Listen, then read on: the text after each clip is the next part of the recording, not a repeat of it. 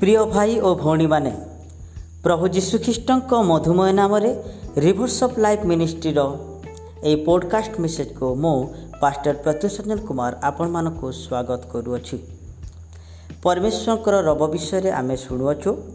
John ଲିଖିତ ସୁସମାଚାର ଦଶ ପର୍ବ ତା'ର ପନ୍ଦର ପଦରେ ଯୀଶୁ କହନ୍ତି ଯେ ସେ ତାଙ୍କର ମେଷଗୁଡ଼ିକୁ ଜାଣନ୍ତି ଆଉ ତାଙ୍କ ମେଷମାନେ ମଧ୍ୟ ତାଙ୍କୁ ଜାଣନ୍ତି। ପୁଣି ତହିଁର ସତେଇଶ ନମ୍ବର ପଦରେ ସେ କହନ୍ତି ଯେ ତାଙ୍କ ମିଶମାନେ ତାଙ୍କର ସ୍ୱର ଶୁଣନ୍ତି ଓ ତାହାଙ୍କ ପଛେ ପଛେ ଚାଲନ୍ତି।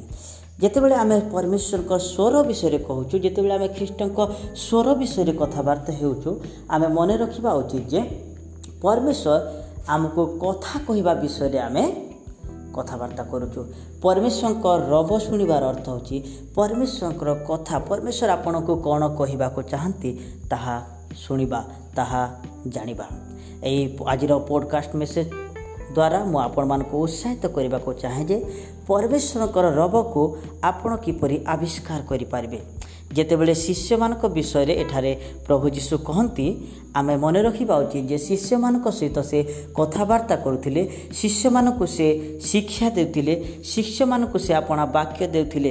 କାରଣ ଯୌନ ଲିଖିତ ସୁସମାଚାର ତା'ର ପନ୍ଦର ପର୍ବ ତିନି ପଦରେ ସେ କହନ୍ତି ଯେ ସେ ତାଙ୍କ ବାକ୍ୟ ମାଧ୍ୟମରେ ଶିଷ୍ୟମାନଙ୍କୁ ପରିଷ୍କୃତ କରିସାରିଅଛନ୍ତି। ତାଙ୍କ କଥା ମାଧ୍ୟମରେ ଯେତେବେଳେ ପରମେଶ୍ୱର ଆମକୁ କଥା କୁହନ୍ତି ଆଉ ଆମେ ତାହା ପାଳନ କରୁ ଆମେ ପରିଷ୍କୃତ ହେଇଥାଉ। ପ୍ରିୟ ଭାଇ ଭଉଣୀମାନେ ପରମେଶ୍ୱରଙ୍କର ସବୁଠାରୁ ଏକ ଗୁରୁତ୍ୱପୂର୍ଣ୍ଣ ଅସ୍ତ୍ର ଯାହା ସେ ମାନବ ଜାତିକୁ ଦେଇଅଛନ୍ତି ତାହା ହେଉଛି ତାଙ୍କର ବାକ୍ୟ ପବିତ୍ର ବାକ୍ୟ। ତ ମୁଁ ଆପଣମାନଙ୍କୁ ପ୍ରତ୍ୟେକଙ୍କୁ ଉତ୍ସାହିତ କରିବାକୁ ଚାହେଁ। ଆପଣମାନେ ଯଦି ପ୍ରକୃତରେ ପରମେଶ୍ୱରଙ୍କ ରବକୁ ସଠିକ୍ ଭାବରେ ବୁଝିବାକୁ ଚାହାନ୍ତି ତା'ର ଗଭୀର ରହସ୍ୟ ଜାଣିବାକୁ ଚାହାନ୍ତି ତେବେ ତାହାଙ୍କର ବାକ୍ୟ ସବୁବେଳେ ଅଧ୍ୟୟନ କରନ୍ତୁ। ଆଉ ତହିଁରୁ ପରମେଶ୍ୱର ଆପଣଙ୍କୁ କ'ଣ କହିବାକୁ ଚାହାନ୍ତି ତାହା ଆବିଷ୍କାର କହନ୍ତୁ ତଦ୍ୱାରା ଆପଣ ନିଶ୍ଚିତ ଭାବରେ ତାହାଙ୍କର ରବ ଜାଣିପାରିବେ।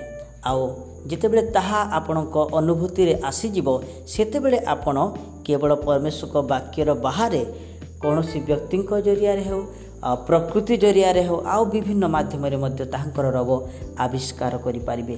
ମାତ୍ର ସବୁଠାରୁ ପ୍ରଥମ ବିଷୟ ଓ ଗୁରୁତ୍ୱପୂର୍ଣ୍ଣ ବିଷୟ ହେଲା ଯାହା ସେ କହିଯାଇ ସାରିଅଛନ୍ତି। ସେହି ସବୁକୁ ନିଜେ ଶୁଣିବା ଓ ଜାଣିବା।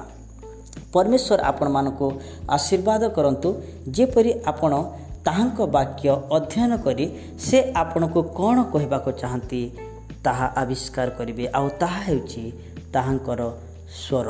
ଆଉ ତାହା ଶୁଣନ୍ତୁ ପାଳନ କରନ୍ତୁ ତାହାଙ୍କ ପଛେ ପଛେ ଚାଲନ୍ତୁ।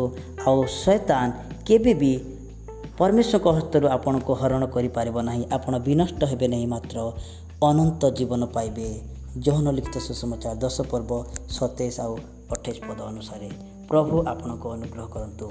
ଆମେନ୍।